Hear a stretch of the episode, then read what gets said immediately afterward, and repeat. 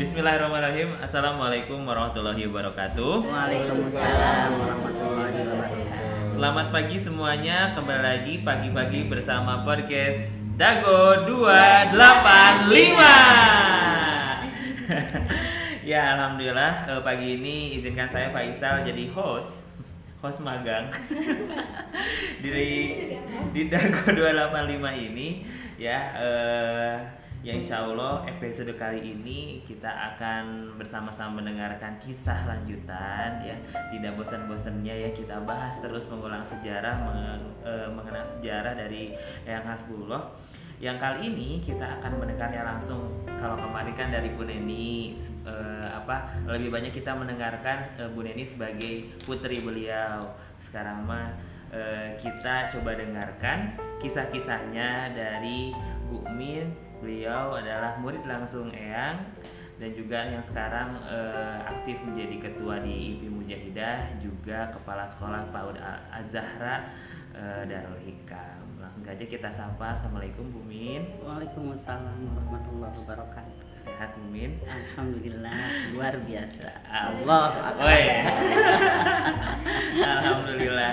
Ya di episode ini uh, Bu Min izin ini ya buat e, minta Bumi buat cerita e, tentang e, Eyang dan apa yang Bumi rasakan dulu menjadi seorang murid gitu. Tapi sebelumnya pengen tahu dulu dong Bumi e, apa selama di Darul Hikam ini sudah pernah mengajar di mana saja atau bagaimana kiprahnya gitu? Kan mungkin sekarang mah kita tahunya oh Bumin Bumin IP dan juga kepala sekolah Pak Wud gitu. Mungkin sebelumnya ada ceritanya dulu Bismillahirrahmanirrahim. Assalamualaikum warahmatullahi wabarakatuh. Waalaikumsalam warahmatullahi wabarakatuh. Alhamdulillahirrabbilalamin. Assalatu wassalamu ala ashrafil mursalin Sayyidina Muhammadin wa ala alihi wa ajma'in. Amma Aduh senang sekali hari ini bertemu di Dago 285 ya uh, luar biasa ini mengingatkan saya muda dulu. Sekarang kan sudah tidak muda lagi insya Allah ya. Uh, ini uh, Kang Faisal juga apa bilangnya anak-anak karena seusia anak-anak saya ya.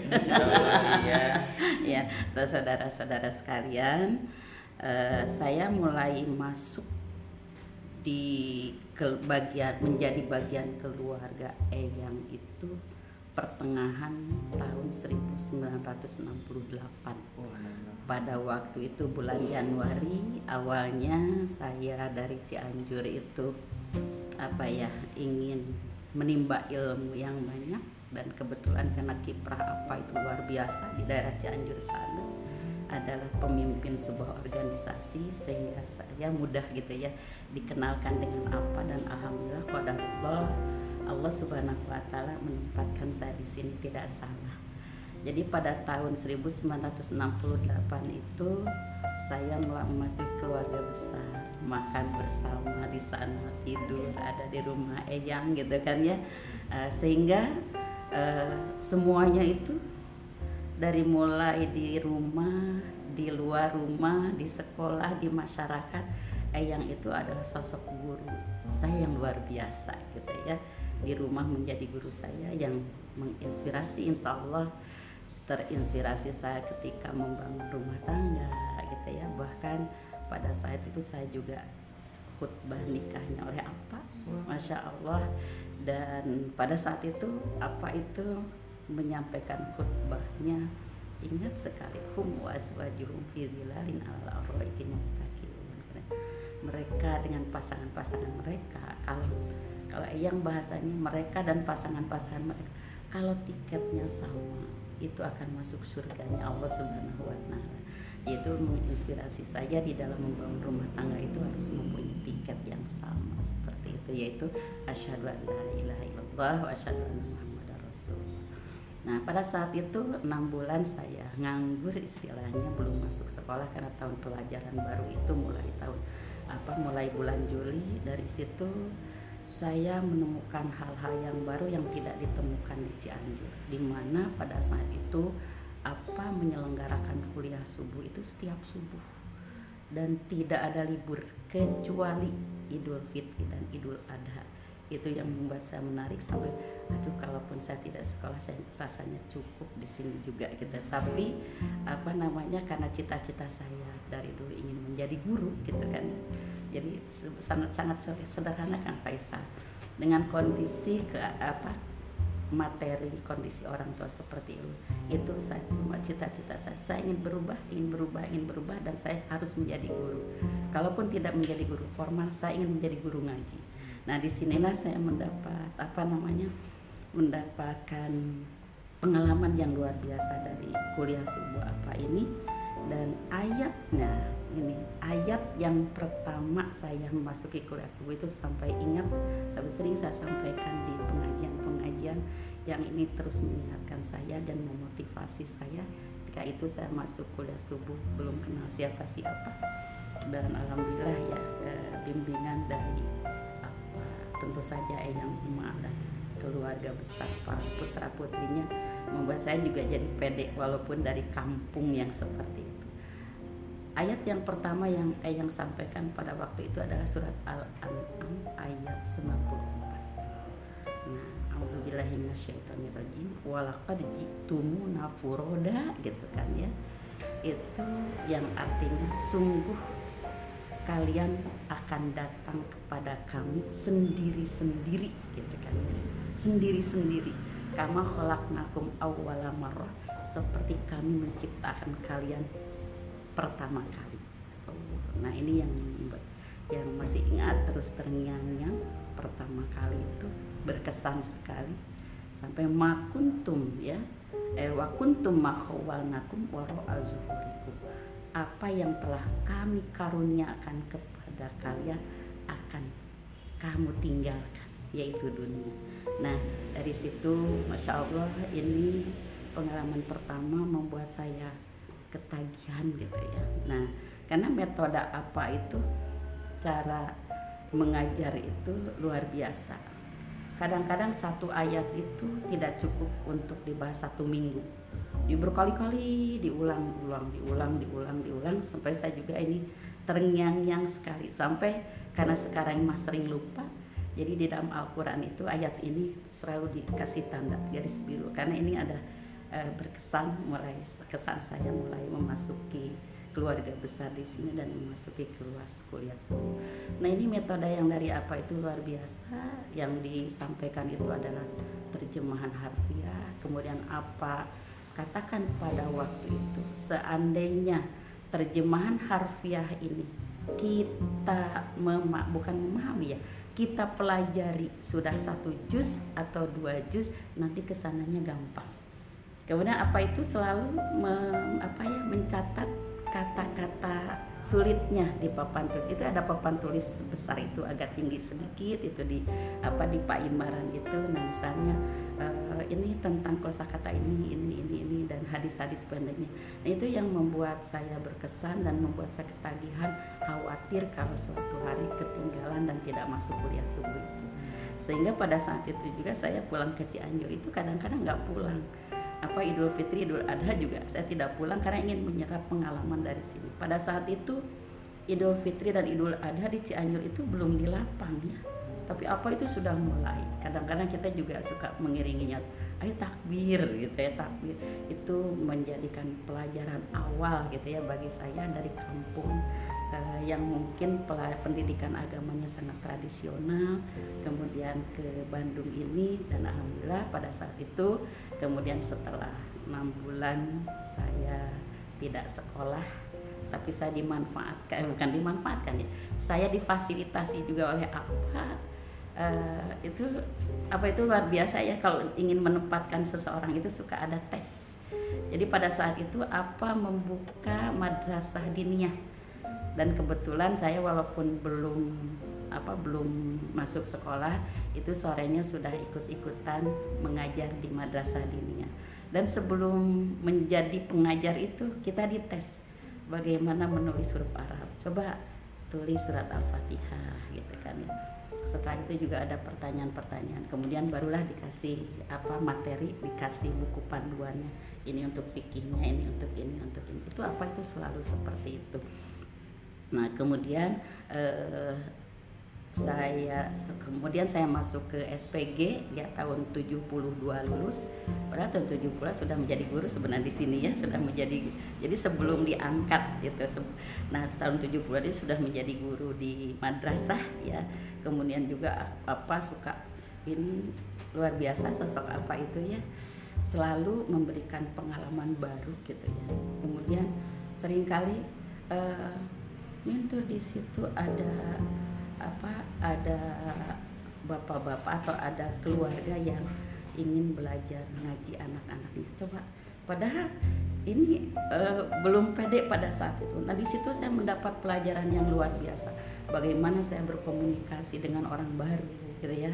Bagaimana saya juga harus keluar masuk rumah orang-orang yang sebelumnya saja tidak menemukan itu karena di, di Cianjur mah tidak seperti itu.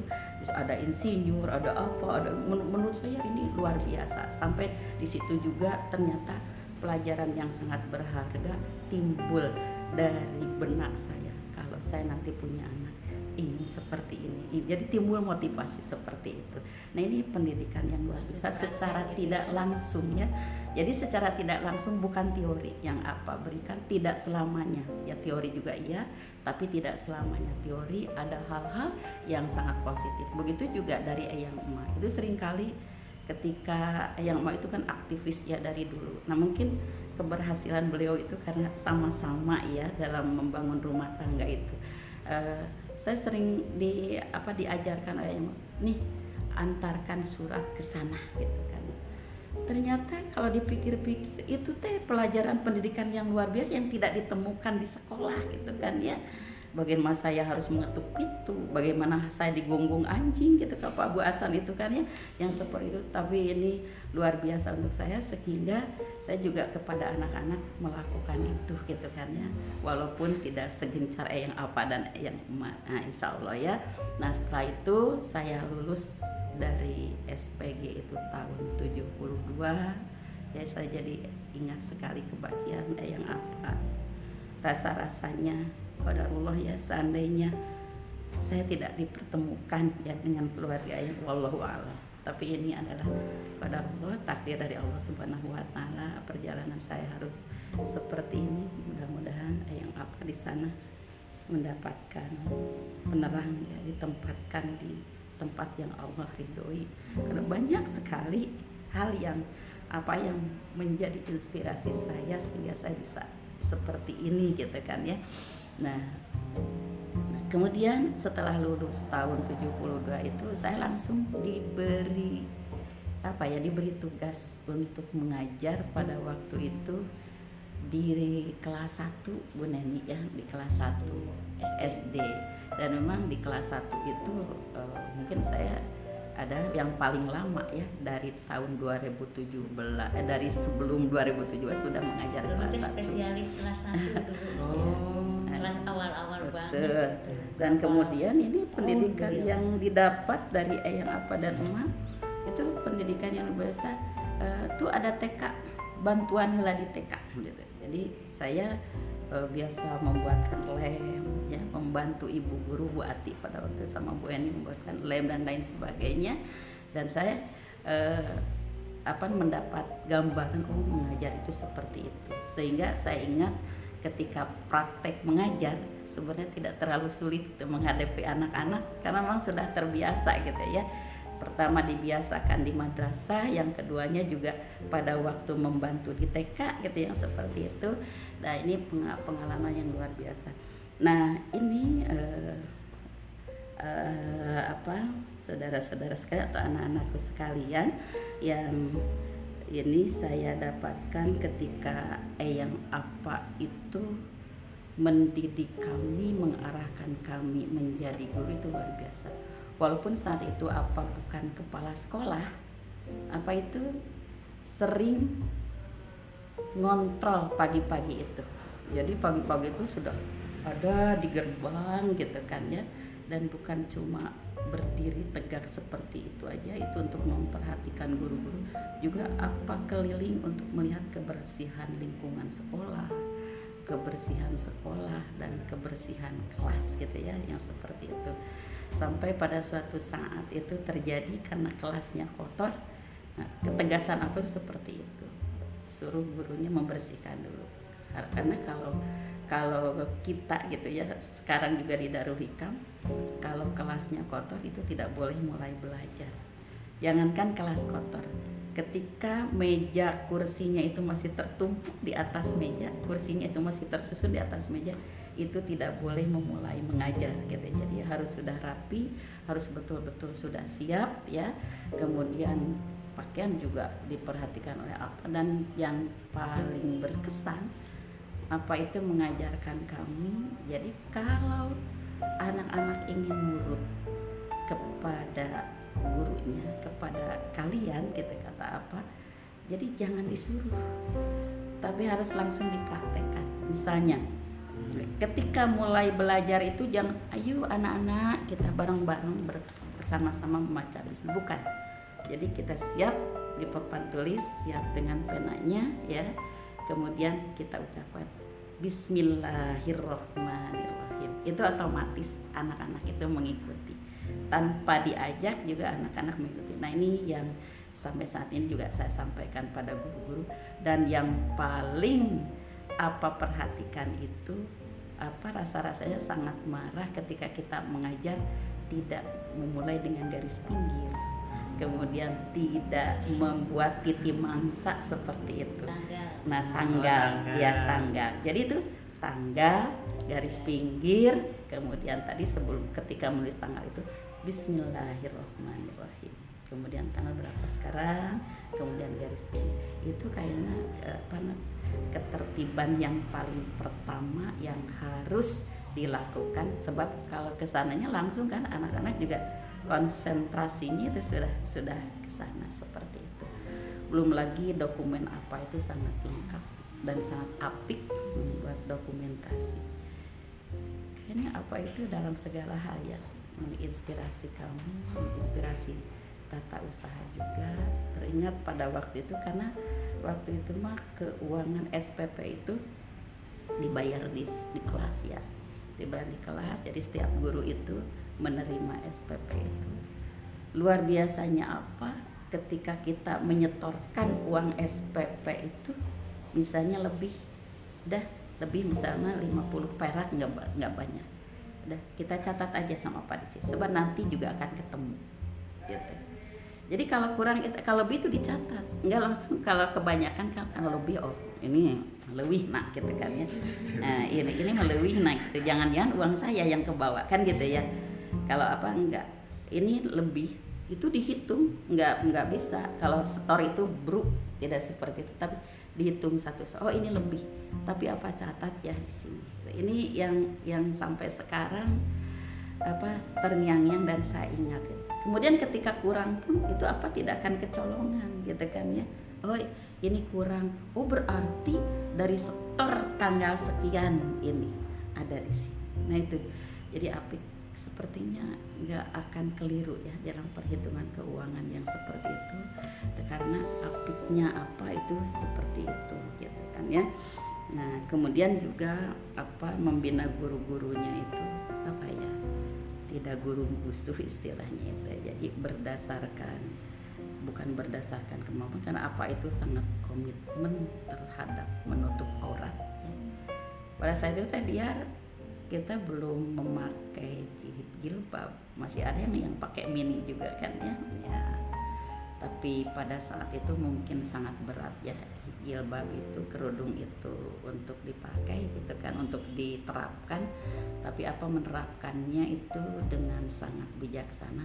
Pokoknya hari Senin guru perempuan harus pakai kerudung pertama. Itu tidak tahu berlangsung beberapa bulan ya.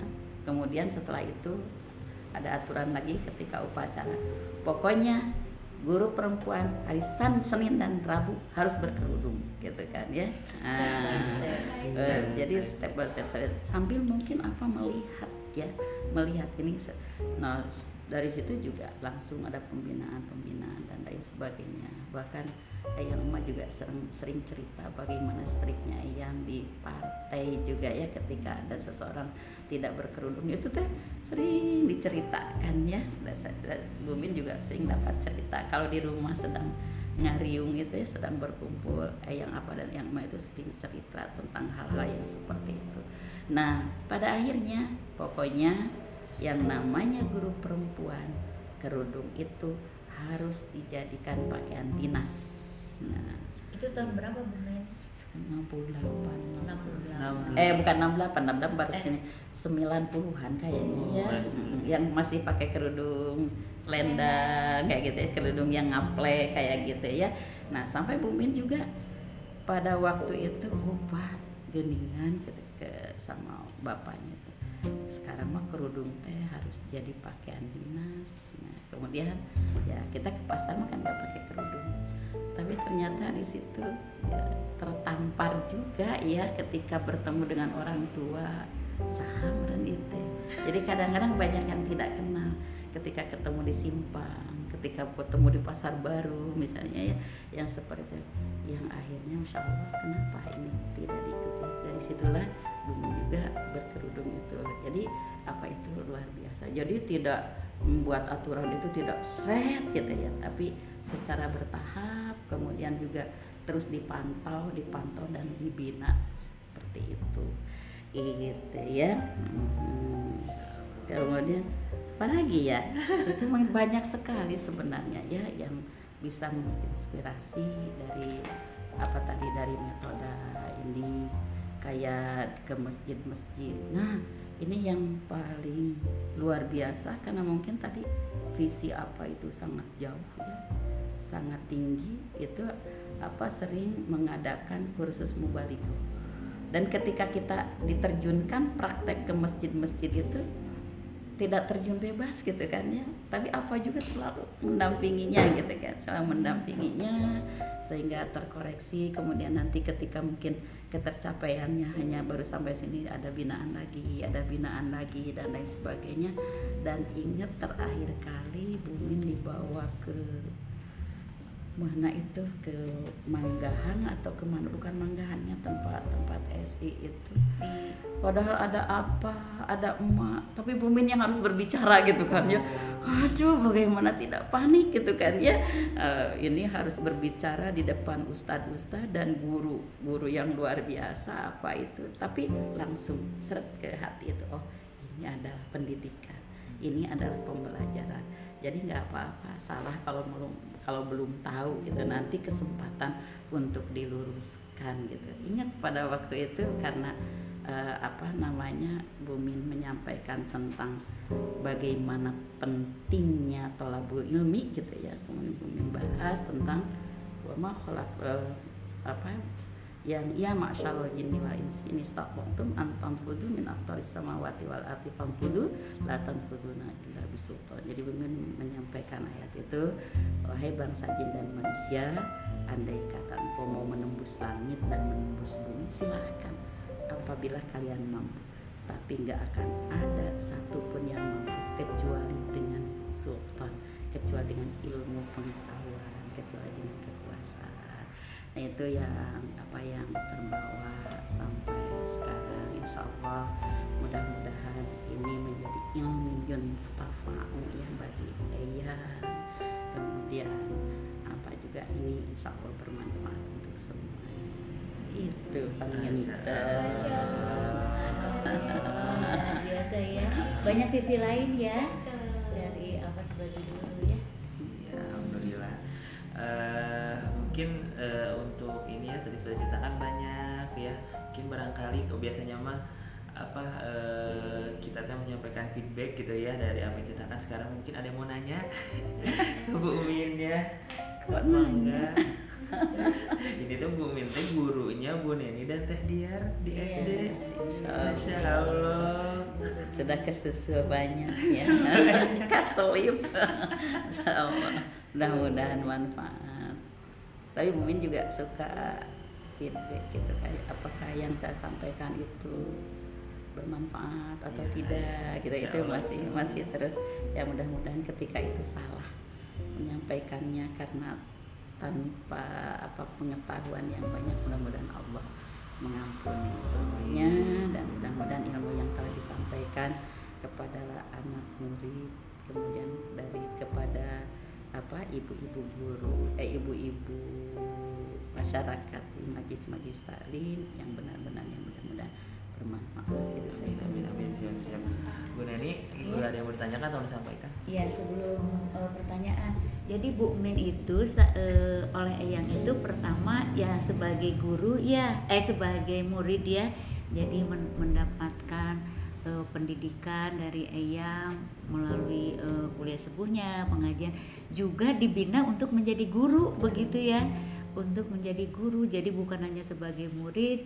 Nah ini mungkin ya yang eh, yang pertama mungkin dari itu ya praktik ya jadi ini kan metode kalau yang sekarang dikembangkan oleh eh, apa namanya Dikbud gitu ya yang baru kementerian yang baru. Jadi dari sejak mahasiswa sekarang harus lebih banyak praktek katanya ya.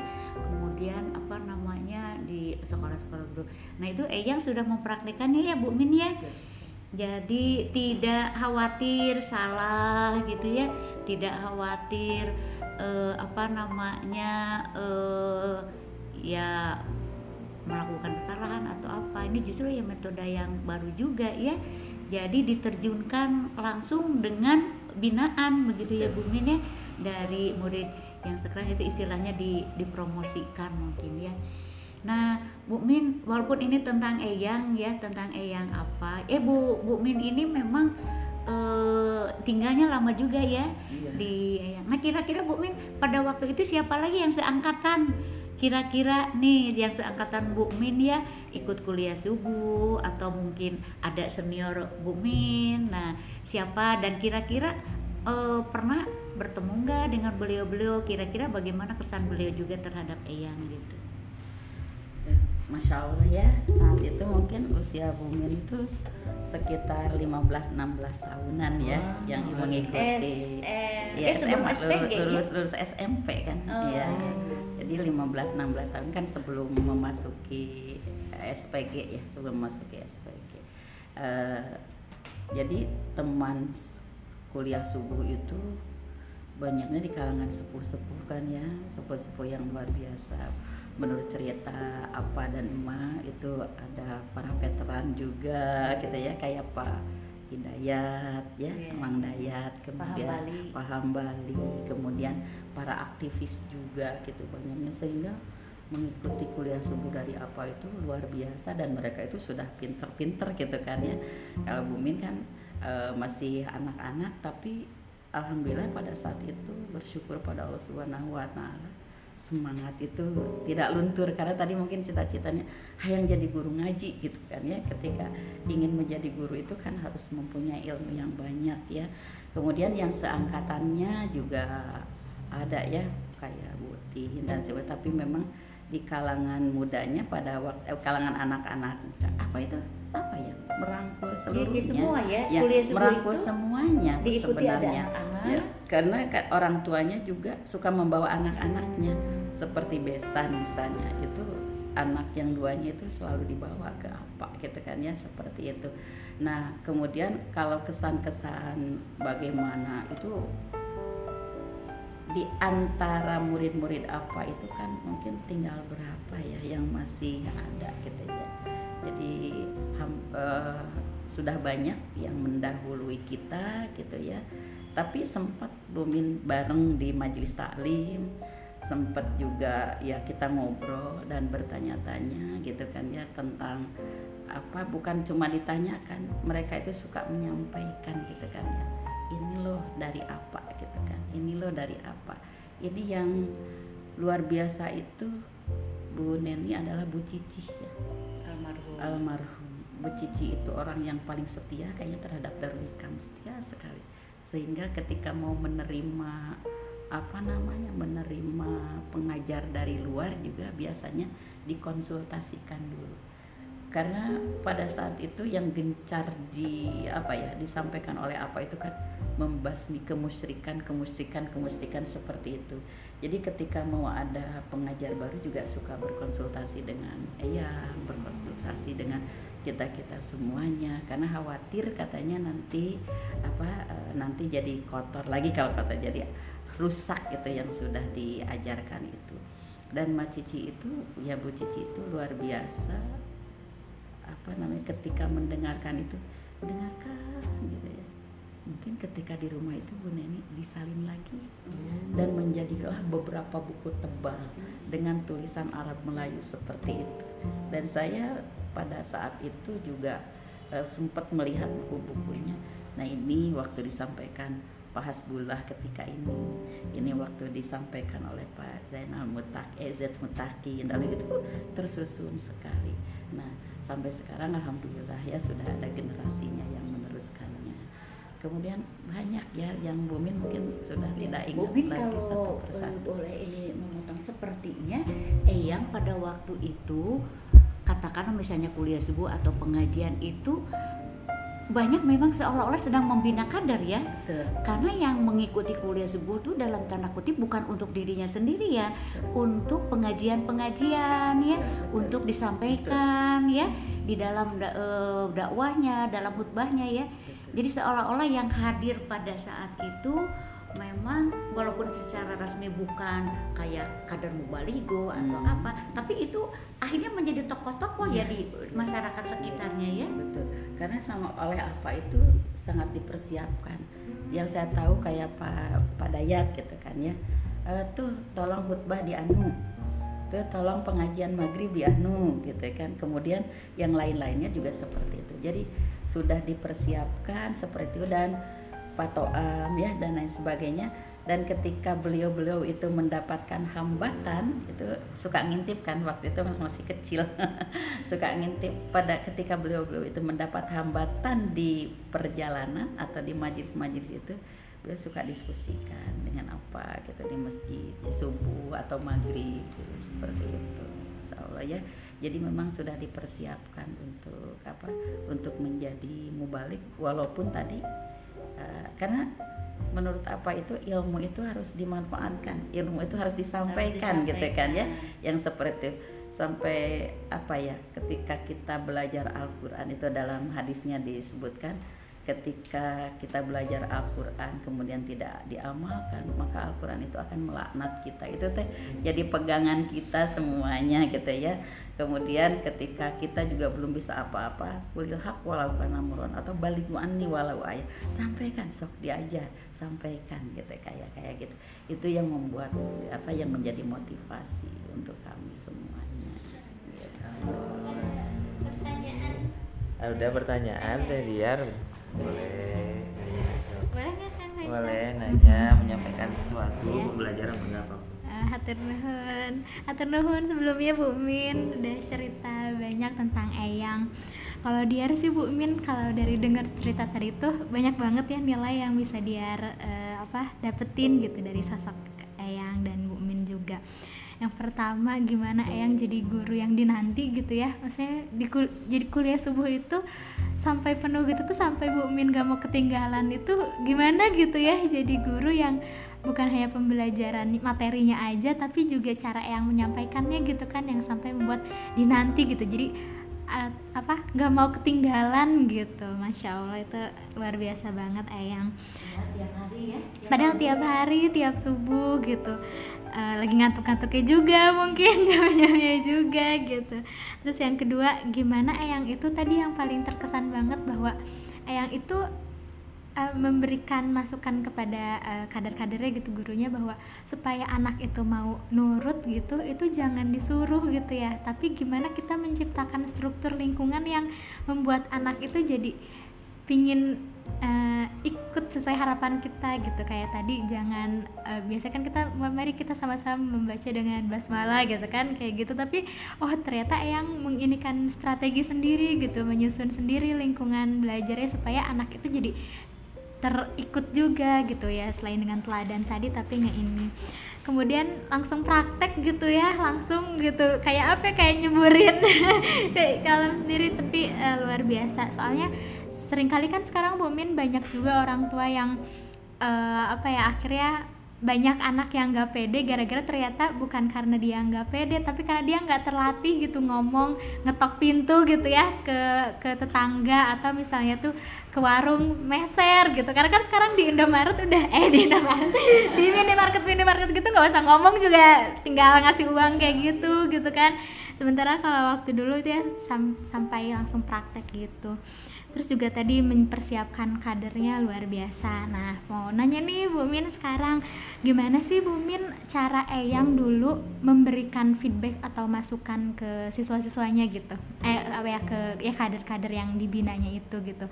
Uh, pendekatannya seperti apa sih gitu? Ngasih masukan atau misalnya ngasih uh, menasehati atau meluruskan gitu misalnya?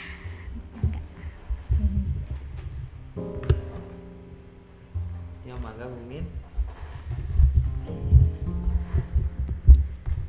subhanallah sekali ya. Uh, kalau Eyang itu mungkin kenapa kuliah subuh itu dilaksanakan setiap hari dan apa namanya tidak terlalu lama. Karena memang sering juga Mumin mendengarkan bahwa kalau belajar itu tidak perlu lama tapi sering gitu kan. Ya kalau belajar itu uh, tidak terlalu lama tapi harus sering disampaikan dengan sering disampaikan itu ya otomatis ya sering mengulang gitu akan ingat lagi ingat lagi gitu. Sampai ayat-ayat yang sering apa katakan kalau bumi suka dikasih ke garis bawah oh, ini nih yang sedang gitu ya yang sedang dan harus dimantapkan itu. Sampai dikasih tanda gitu seperti itu. Dan esok itu diulang lagi diulang lagi diulang. Itu menjadi mantap. Mungkin itu dari sisi pembinaannya Eh, kalau Bumin tidak melihat apa namanya tidak melihat eh, yang secara formal nih sekarang ini misalnya pembinaan ini sekarang ini adalah eh, melakukan tadi apa namanya teguran dan sebagainya. Tidak tidak seperti itu tapi mungkin karena sering diulang-ulang dan seperti itu sehingga kita jadi faham seperti itu. Bisa jadi kan ketika yang menyampaikan sesuatu misalnya tentang kemusyrikan tapi karena sering diulang-ulang itu juga akan menyadarkan dirinya oh ini pekerjaan yang tidak dibolehkan itu ya. Sampai Bu Neni juga Teh Diar ketika Bu Min diangkat ke Cianjur Selatan itu pada tahun 75 ada ceritanya eh, Kang Faisa pada tahun 72 itu Bu Min lulus dan sudah jadi guru di sini. Tahun 75 itu diangkat ke Cianjur Selatan selama 2 tahun. Itu Bu Min mengalami sakit yang luar biasa ya. Kalau dihubung-hubungkan dengan orang sana itu dekat sekali pada kemusyrikan Bu Neni. Karena memang sakitnya itu sangat mendadak dan setelah itu juga seperti apa. Tapi itu subhanallah gitu kan ya. Eh, satu hari satu malam tapi lamanya rasanya bukan main. Tapi yang Bu Min ingat itu ketika azan berkumandang ke ke apa ke ke adik Bu Min itu karena namanya itu empat empat ambilkan air wudhu ibu mau salat dulu gitu kan. Karena ada yang selalu mengingatkan. Kemudian ketika bapaknya itu di apa namanya suruh menjemput dijemput ke Cianjur dan akan menyebut Bumin itu juga harus menunggu semalam. Itu Bumin mengatakan seperti ini. Karena waktu itu Bu Nini punya upi ya berpunya upi. E, Pak seandainya mama gitu ya dipanggil duluan. Tolong si Upi ini titipkan di Bandung gitu. Di Pasmula gitu kan. Sampai seperti ya insya Allah mama insya Allah mama. Itu sampai sampai seperti itu gitu kan ya. Saking apa ya saking sudah tertanamnya pelajaran pendidikan yang seperti itu. Kemudian pada sore harinya ya tetangga itu ribut oh ini mah kunut cai dan lain sebagainya gitu kan. Dia ada seperti itu. Kemudian datanglah seorang nenek-nenek katanya dukun dukun beranak gitu ya kemudian minta air di dalam apa di dalam cangkir kemudian dijampe-jampe seperti itu. Hanya kebetulan si nenek itu tidak lama sampai Bumin berpikir ingat pelajaran apa? gitu kan. Ya yang karena sering diulang-ulang itu gitu kan ya. Di dalam apa di dalam hati itu seperti itu. Ya Allah bagaimana kalau setelah meneguk ini saya tidak sempat bertaubat? gitu ya sedangkan di dalam keterangan musyrik itu kalau sampai mati tidak akan diampuni oleh Allah seperti itu. Sampai si nenek itu keluar kemudian ke ke empat Pak tolong tuker air yang dicangkir ini ini tumpahkan di kamar. Karena kan kamar di kampung ayah congang-congang Bang Faisal ya dari bambu. Tolong tumpahkan di kamar kemudian air teteh yang di sana bawa ke sini. Dari situ Alhamdulillah ya Allah semoga engkau melindungi seperti itu saking neratnya gitu kan ya. Saking neratnya pada saat itu sampai pada waktu pulang juga akhirnya dibawa ke dokter kata dokter istirahatkan aja dulu tapi namanya setan itu kan berbisiknya luar biasa sampai oh, bu padahal kalau pada waktu itu ibu tahu diguna-guna gitu istilahnya teh coba contohnya ibu meret apa meret apa namanya itu baju gitu nanti akan kembali. Atau mau dikembalikan? Enggak. Saya bilang ya Allah ini sesuatu yang Allah telah menyelamatkan saya gitu kan ya kalau memang itu hasil dari ini. Enggak. Saya tidak berpikir seperti ini adalah suatu ujian dari Allah Subhanahu wa. Nah, itu mungkin cara pembinaan apa itu saking rapnya gitu ya kepada kita. Sampai sekarang juga kalau ini hati gitu kan dan dengan yang seperti itu. Karena katanya yang namanya musyrik itu kan tidak terlihat gitu kan ya tidak terlihat. Itu sampai apa sampai ingat gitu kan ya. Katanya seperti semut hitam di atas batu hitam yang berjalan di tengah malam gitu ya saking saking tidak terlihatnya seperti itu makanya itulah mungkin metode apa itu seperti itu. Dan apa itu tidak tidak pernah oh sekarang misalnya oh, itu salah enggak enggak seperti itu. Tapi menyampaikan lagi disampaikan lagi mungkin apa merasa oh materi yang tadi sampaikan itu belum mantap gitu kan ya mungkin evaluasinya dari situ itu yang belum rasakan tadi ya Alhamdulillah. Baik. Teh dia terjawab teh. Terjawab. Alhamdulillah. Iya. Ya. Eh, Bumin eh, nampaknya kita sudah ada di penghujung acara. Biasa mah biasanya mah ditaruh hiji-hiji itu.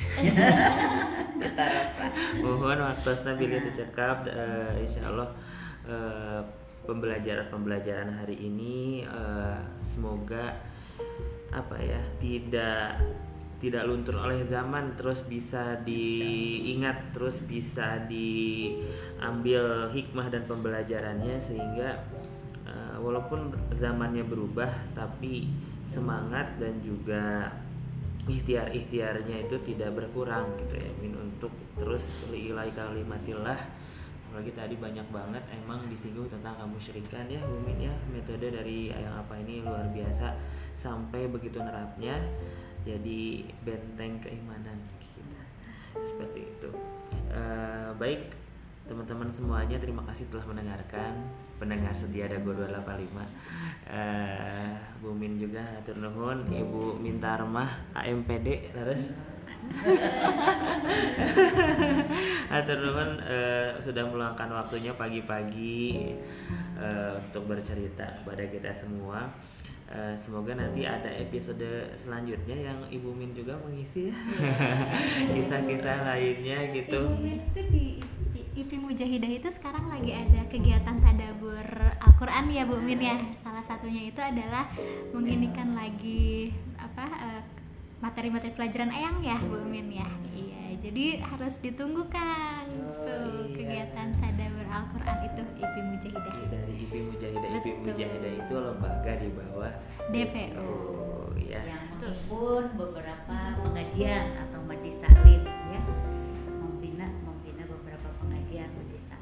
Iya, ada puluhan majelis taklim ya Bu Iya. Min ya yang memang terdaftar di bawah IP Mujahidah ini yang mana keseluruhannya kurang lebih itu dibina ya dengan materi-materi eh, yang mayoritasnya dari yang apa ya tadi? Masya Allah ya.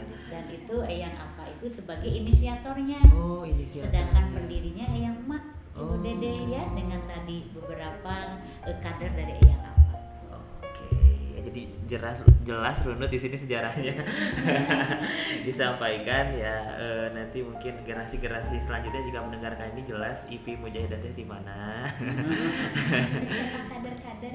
Mencetak kader-kader selanjutnya. Ya memang sudah ter ini ya sudah ada sejak dulu pun eh, metode untuk pembinaan kadernya itu secara langsung dilakukan oleh yang apa baik eh, terima kasih semuanya telah mendengarkan. Mari kita tetap tutup saja dengan bersama alhamdulillah. Alhamdulillah. sampai jumpa di episode selanjutnya. Tetap di Dago 285 Assalamualaikum warahmatullahi wabarakatuh. DPU yes yes yes. Darul Ikam Balasan.